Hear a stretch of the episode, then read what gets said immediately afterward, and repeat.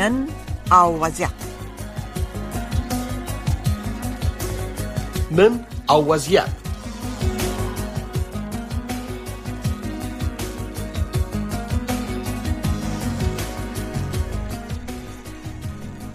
شنوندگان و بینندگان ارجمند رادیو آشنا صدای امریکا با عرض سلام. لیلا ما حبیب عظیمی هستم. دقایق چند با مهمان گرامی این ساعت در خدمت شما. موضوع مورد بحث امشب روایت امروز موضوع حقوق بشر و حقوق زنان است. و مهمان عزیز این ساعت برنامه بانو زرغون ولی هستند که ایشان ژورنالیست فعال حقوق بشر حقوق زن و بیشتر کارهای در عرصه حقوق زنان هم انجام دادن که در مقیم اروپا هستند و از طریق ارتباط مستقیم تلفن در برنامه حضور یافتند. بانو ولی با سلام و سپاس از حضور شما در روایت امروز خوش آمدین.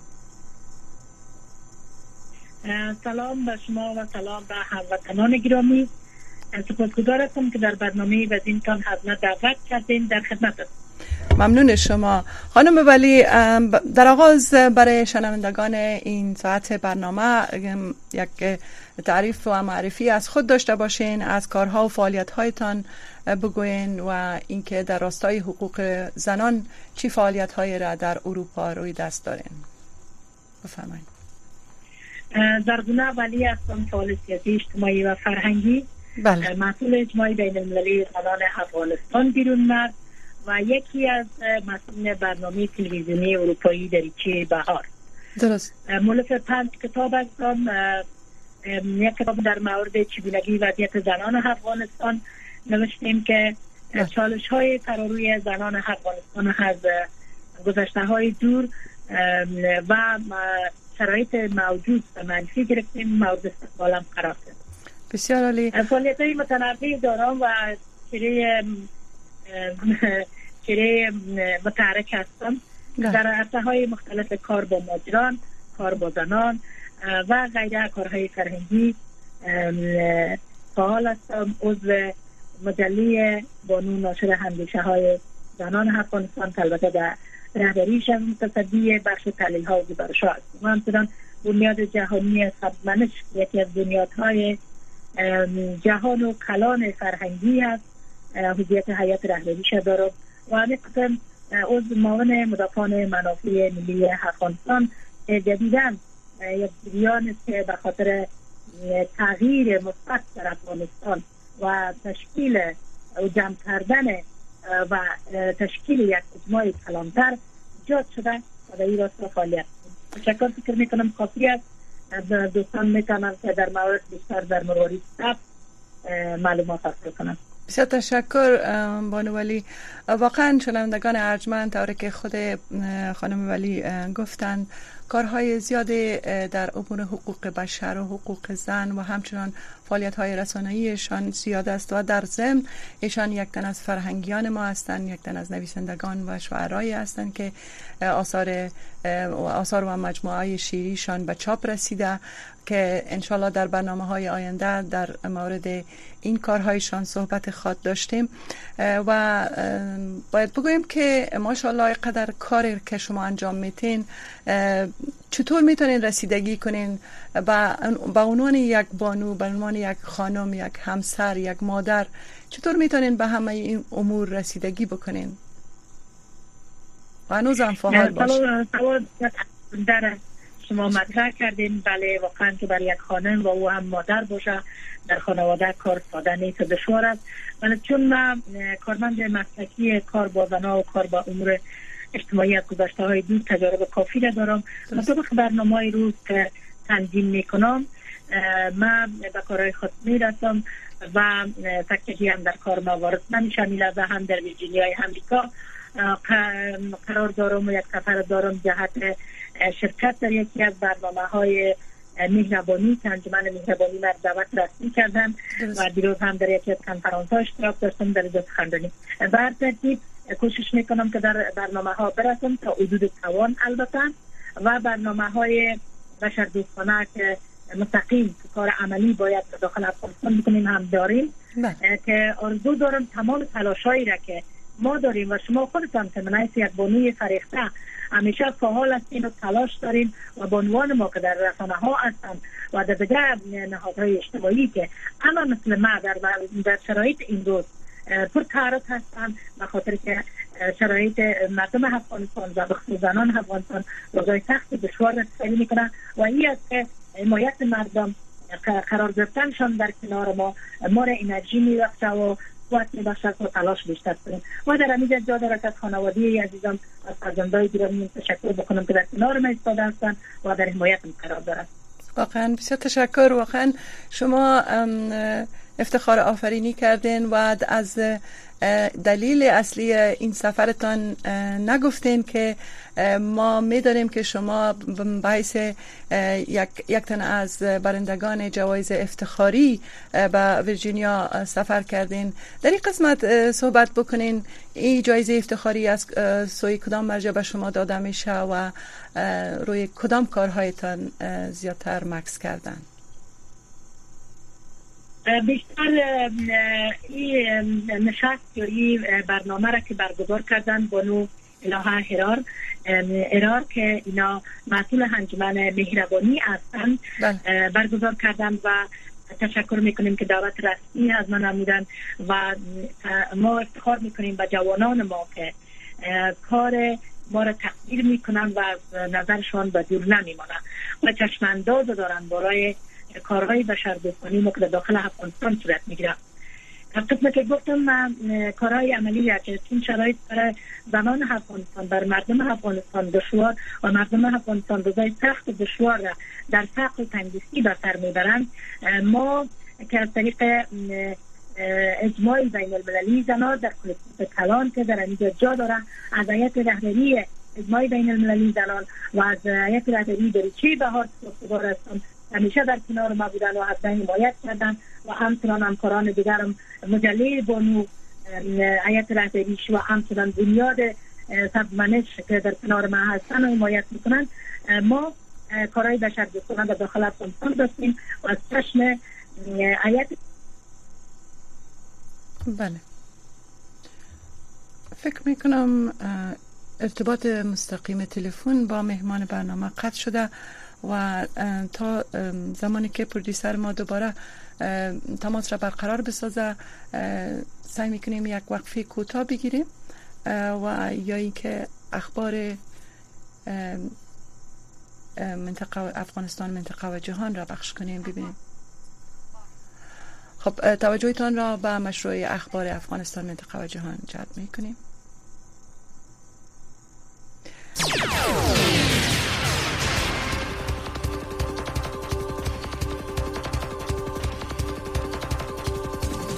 سلام شب همه شما بخیر. حفیظ آصفی هستم. توجه کنین و تازه ترین خبرهای افغانستان منطقه و جهان تا این ساعت از رادیو آشنا صدای امریکا.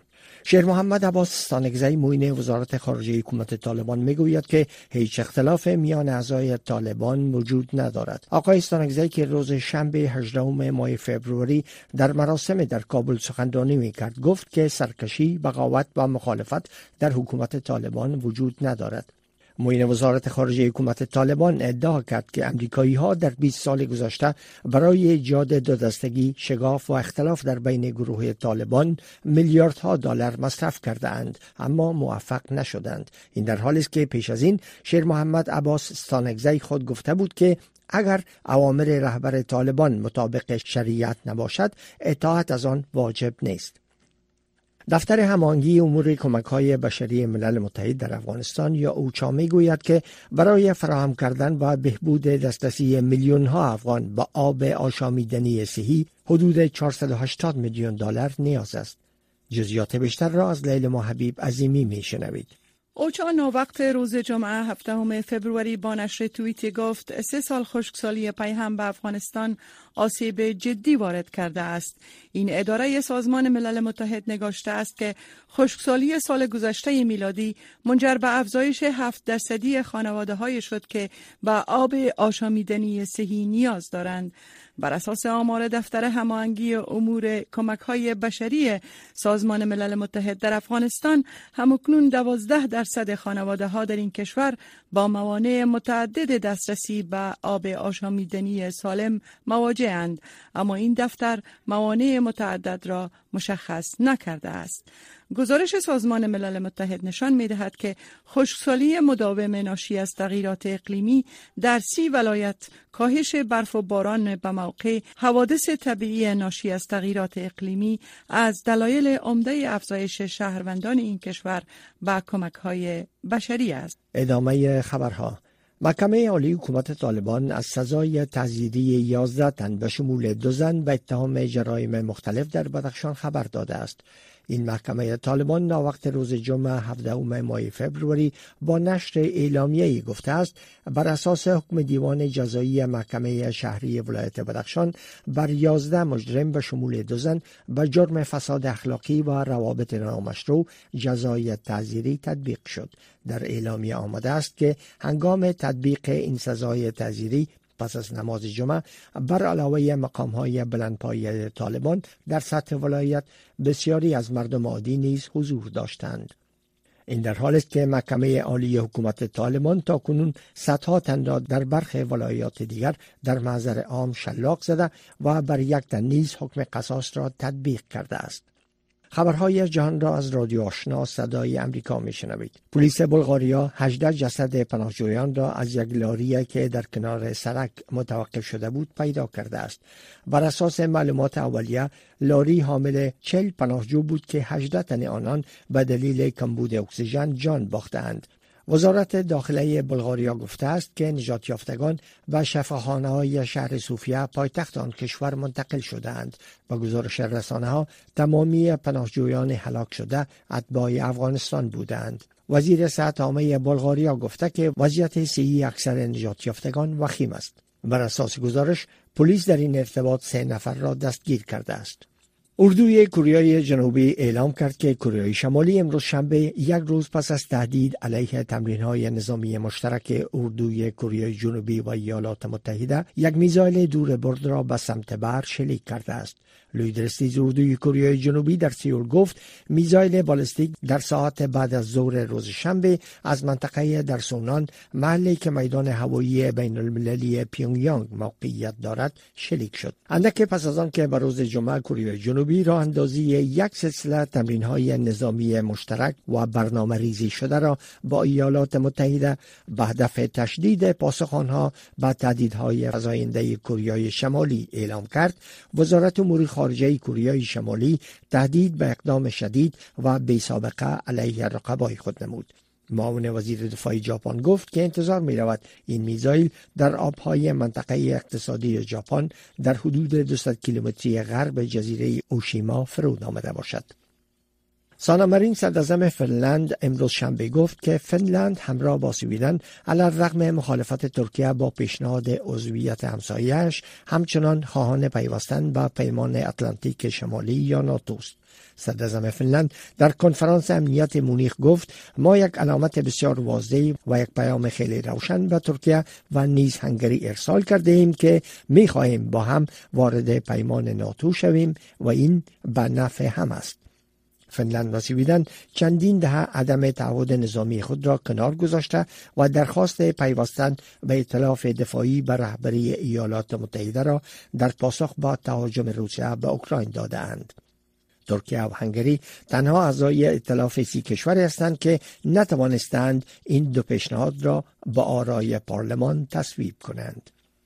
و جمهوری خواهان در مجلس نمایندگان کانگرس امریکا باری دیگر در مورد خروج نظامیان امریکایی از افغانستان تحقیق می کنند. آنان با فرستادن نامه از رهبری قصر سفید، وزارت خارجه، وزارت دفاع و برخی اعضای دیگر کابینه رئیس جمهور جو بایدن خواستند تا اسناد پایان جنگ امریکا را در افغانستان با آنان در میان بگذارند. جیمز کامر رئیس کمیته نظارت پارلمان امریکا که به جمهوری خواهان نیز است در بیان بیانیه ای گفته است که اداره بایدن متاسفانه برای خروج از افغانستان آماده نبوده و تصمیم های آنان مستقیما در منطقه به یک فاجعه انسانی و امنیتی تبدیل شده است. با این اخبار تا این ساعت از رادیو آشنا صدای امریکا. شنوندگان ارجمند شما با برنامه روایت امروز رادیو آشنا صدای امریکا هستید. لیلا حبیب عظیمی هستم و دقایق چند با مهمان این ساعت برنامه خدمت شما. در دقایق قبل تماس تلفن با مهمان برنامه خانم زرغونه ولی یک تن از فرهنگیان ژورنالیستان و فعالان حقوق زن و حقوق بشر در برنامه هستند که ایشان از, از طریق ارتباط مستقیم تلفن داشتیم و تماس قطع شد و حال درباره برقرار شده. خانم ولی اگه آواز مرا میشنوین؟ سلام مجدد.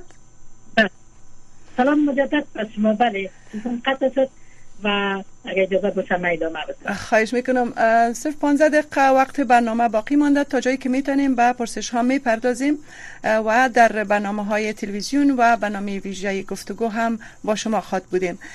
در هجده ماهی که از تسلط طالبان میگذره بحران بشری، آزادی های مدنی و حقوق بشر و ویژه حقوق زنان در چی سطح به نظر شما قرار دارد؟ تشکر از سوال هر شما فقط من کوتاه اشاره می‌کنم به پاسخ قبلی شما که برنامه که برگزار میشه از انجمن همدلی و حمایت زنان است و از انجمن امیل نام مشخص شما فراموش کردم چون که بله. خواستم صحبت قطع شد بله. و در این برنامه که ما اشتراک می‌کنیم بله. در این که ما از ما گفتن که در این برنامه اشتراک کنیم ما تقدیر میشیم یا نمیشیم این مسئله از ناس و من کار می‌کنم به جوانان که چنین تیره ها را که در مورد از این اندیشن که مردم افغانستان آب آشامیدنی ندارن سهار افر می‌کنن و مردم افغانستان شرایط سخت دشوار سپری می‌کنن مواد امدادی تازه می‌کنن کلوب ها را برای کار بار زنایی که وضعیت خراب را در افغانستان سپری می‌کنن ایجاد می‌کنن اینا از چشم دور نمیمونن و تحصیل می‌کنن. و ما هم اجماع ما هم تانستن که 12 حلقه چارا به خاطر آب آشامیدنی سالم در شهر کابل و ولایت افغانستان برای هموطنان ما افر بکنن. و از او استفاده بکنن مردم ما. و همچنان ایجاد کلوب ها زنان به خاطر که زنان به کار گماشته شوند و میلازر بیکار هستند فقر تنگدستی فشارشان میتن. به این صورت ما چنین برنامه هایی را داشتیم که این وقت کلانتر کار داره. می‌پردازم به پاسخ به سوال حتی شما که وضعیت زنان و مردم در مجموع حقوق بشر در افغانستان چیست. از اونجایی که ما شما می‌دانیم از زمانی که وقتی که حکومت طالبان یا نظام حمارت به حرکه قدرت تسکیه دادن ما می‌فهمیم که تحقیقی های جدی از جانب مسئولین و خود نظام حمارت در مقابل مردم ما قرار داره. ما اگر تنها روی حقوق زن مکس بکنیم همین لحظه ما می‌بینیم که محدودیت های بسیار صحیح هم از من کار من آموزش من سفر در مقابل زنان و دگریده و زنان گام به گام از اجتماع حذف شدن و همه در چهار دیواری خانه به سر می‌برند. با تنگیستی و فقری که اکثریت از شوهران پدران برادران اخته در چهار دهه جنگ از دست دادن اینا بی سرپرست هستند و اطفالشان به یا شو نیاز داره ولی اینا از حق گرسنگی داد می‌زنن کس داد از اینا رو نمیشنه از یک طرف. و از طرف دیگر مسئله آموزشی اگر در نظر می‌بینیم که مکاتب برای دختران افغانستان بانوان افغانستان بسته هست دانشگاه ها که تا با ایجاب اسلامی که اینا اعلان کردن زنان مسلمان افغانستان اعلان کردن که ما از گذشته های دور مسلمان بودیم ما نه مسلمان نشدیم. با امور ایجاب اسلامی خود ما در دانشگاه های شما آذر میشه اینا دانشگاه ها را باز نگاه کرده بودن. حداقل دختران می‌رفتن به آموزش به دانشگاه دانشگاه هم اینا بیشتر از دو ماه میشه یا کمتر زیادتر بسته شد در و مسئله کار را که اگر در مورد زنان ما در نظر می‌گیریم می‌بینیم که زنان افغانستان همه بیکار هستند در خانه. این مسئله حقوق زن که گام به گام از اجتماع و اعتراض داخلی و خارجی را با خود داشتن. زنان معترضه که اعتراض می‌کنن دادخواهی می‌کنن حق مسلم خود از دولت می‌خواین با جای که نظام حمارت یا حکومت سرپرست حمارت به مقابل از اینا پاسخ روشن داشته باشه از اینا حمایت بکنن من یک نظام ولی اینا رو زندانی می‌سازد. در سلول های زندان اینا قید می‌کنن شب مشلاق می‌کنن ماهای ما مردم که دختران و خانمانشان و همسرانشان در زندان هستن از آگاهی ندارن که مغایرت داره با سنت و فرهنگ افغانستان. که بله. متاسفانه فکر می‌کنم باز تماس تلفنی قطع شد و دوره که شنیدین خانم زرغونه ولی یک تن از فعالان و فعالان رسانه‌ای و شاعر و نویسنده روی خط هستن. خانم ولی صدای مرا میشنوید بله؟ خب فکر می‌کنم باز هم پرودیسر برنامه سعی می‌کنن تا تماس تلفنی برقرار شود ایشان در مورد محدودیت ها و وضع حقوق زن در افغانستان صحبت داشتن. خانم ولی؟ خب انوزم ارتباط قایم نشده.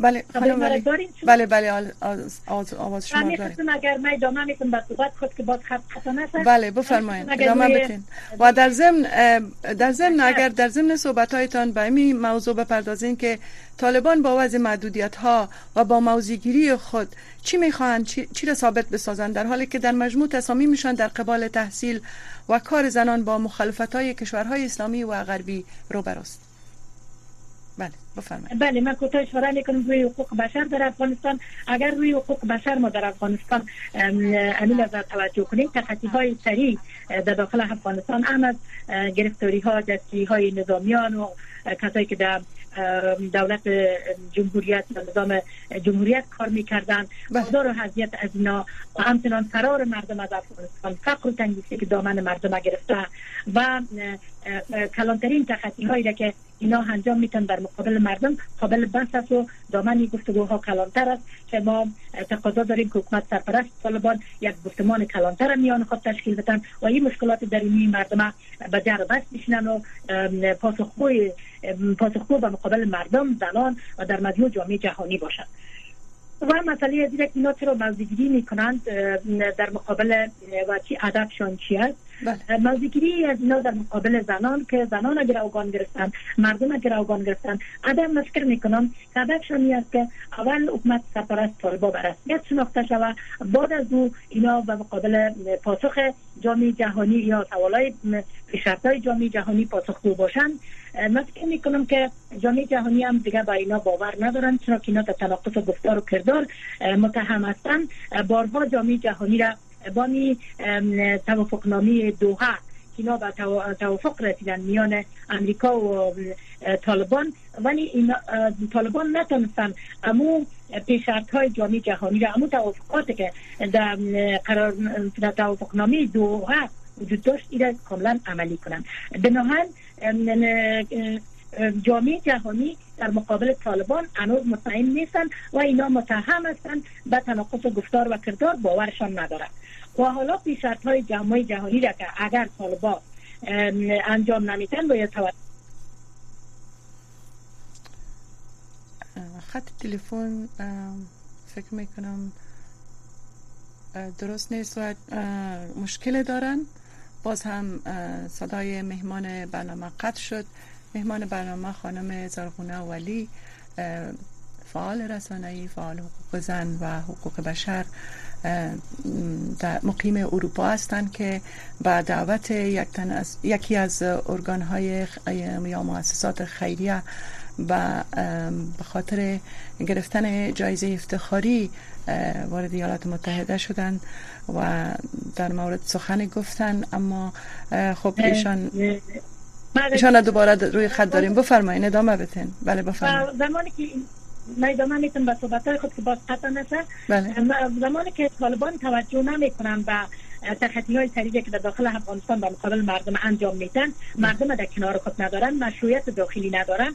بنابراین اینا مطمئن باشن آنقدر که زنان گروگان بگیرن مردم گروگان بگیرن جهان اینا رو به رسمیت نمی‌شناسن با وجود که تعامل های پشت پرده با طالبان وجود داره کمک های نقدی صورت می‌گیره ولی به نام حمایت از مردم افغانستان است.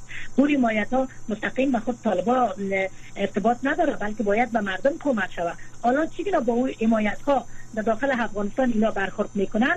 این خودش تخطی است. باید از حمایت هایی که خارج کشور بر مردم افغانستان روان می‌کنن واقعا به مردم افغانستان توضیح شود و واقعا مردم افغانستان در اینجا مورد حمایت قرار بگیرن اگر اینا باز هم از حمایت هایی که کشورهای خارجی طالبان می‌کنه که مردم حمایت کنه اینا تخطی می‌کنه خودش جز از تخطی های که باز مغایرت میشه با مو قوانین و پیشرفت های جامعه جهانی که که حکومت سرپرست طالبان به وجه به رسمیت نمی‌شناسن. و مثلا مهم کلانتر دیگر که ما روی بحث اگر بگیریم تظاهرات که در داخل و خارج کشور بر علیه تخطی های طالبان صورت می‌گیره همه روزه کنفرانس ها گفتمان ها تشکیل میشه. اما و همه تاثیر گذار بالای هویت طالبان باید بالای برسمیت شناختن نظام حمارت و بالای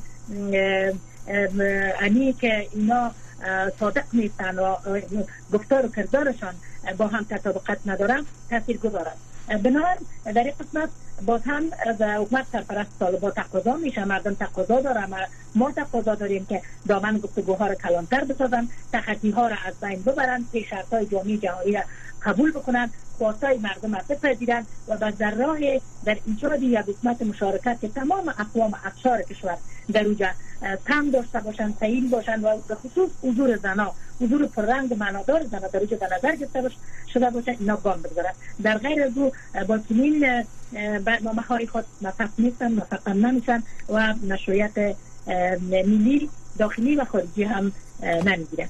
بله بانو ولی دقایق کوتاهی از برنامه باقی مانده. اگر کوتاه بفرمایید که شما می‌دونین که ایده از بانوان که معترض بودن بعدشان در بند طالبان رفتن و دوباره آزاد شدن اکثر آنها دوباره حاضر نشدن تا بر ها حضور پیدا کنند طالبان به ندرت در مورد دستگیری زنان معترض با رسانه ها صحبت می کنند آیا دلیل یا دلایل ای بازداشت های بانوان و سپس آزاد ساختن آنها چیست؟ چی راهکاری را برای از این پیشنهاد می‌کنه؟ خب طبیعی است که بانوان که آزاد میشن از زندان دیگر جرات از ندارن که صدا بلند بکنن. دوباره در رسانه ها در شون خصوصا به خصوص بانوان که در داخل افغانستان هستن. اینا تهدید میشن اینا توهین میشن تقید میشن شکنجه میشن اینا ترس دارن. فضای ترس و شک در اینجا حاکم است و هیچ کس حاضر نمیشه که دوباره به مو اعتراضات خود ادامه بده. بنابراین صدای از اینا خاموش میشه. اینا صداها را می‌خواین خاموش بکنن و ما تقاضا داریم که به عوض از یک صداها را اینا خاموش می‌کنن بلکه پاسخ روشن در مقابل خاص بر حق مشروع زنان بدن و حالا که چگونه بانوان که در خارج کشور هستن و و در داخل کشور اقتدادشان که هستن و اینا متعرضین هستن چی باید بکنن؟ چی رابورت ها را ما پیشنهاد می‌کنیم؟ رابورت های ما و در همگرایی همبستگی بانوان داخل کشور خارج کشور مردم داخل کشور خارج کشور. ادامه گفتگوها و کنفرانس هایی که در خارج کشور که من دیروز گفتم که به یک کنفرانس شرکت کردم که راهی بیرون رفت افغانستان از بحران کنشتری شود جستجو شود. سیاسیون نخبگان اندیشوران در این مورد نظر اندازی کنند و خود طالبان هم در اینجا باید نقش داشته باشند و نظریات مردم را بپذیرند. همه مشترک یک را رای رفت افغانستان از بحران ریشه یابی شود و مردم افغانستان از این وضعیت بعد که فقر گرسنگی و بیچارگی فرار از کشور بیکاری وجود داره اینا نجات پیدا بکنن. و من فکر می‌کنم در زمانی که ما دامن گفتگوها و بحث روی میز مذاکره بچینیم و این کلانتر بسازیم رای کلید که سختی کلید که سالهای سال بسته مانده و همه تلاش داریم که همین قفل بسته را با کلید بله. مباد بکنیم همین کلید تشکر. بانو زرغون اولی ژورنالیست و فعال حقوق بشر سپاسگزار هستیم. از وقت گران با هایتان و از که در روایت امروز حضور یافتین موفق باشین. شنوندگان ارجمند برنامه روایت امروز در همینجا خاتمه میابد برنامه بعدی صدای شماست و منتظر تماس های تلفنی شما پیشنهادات نظریات و نگرانی های شما هستیم که این برنامه به همکاری بانو زیبا خادم پیش بکش میشه و لحظات بعد باز هم خدمت شما خواهد بودیم. ممنون.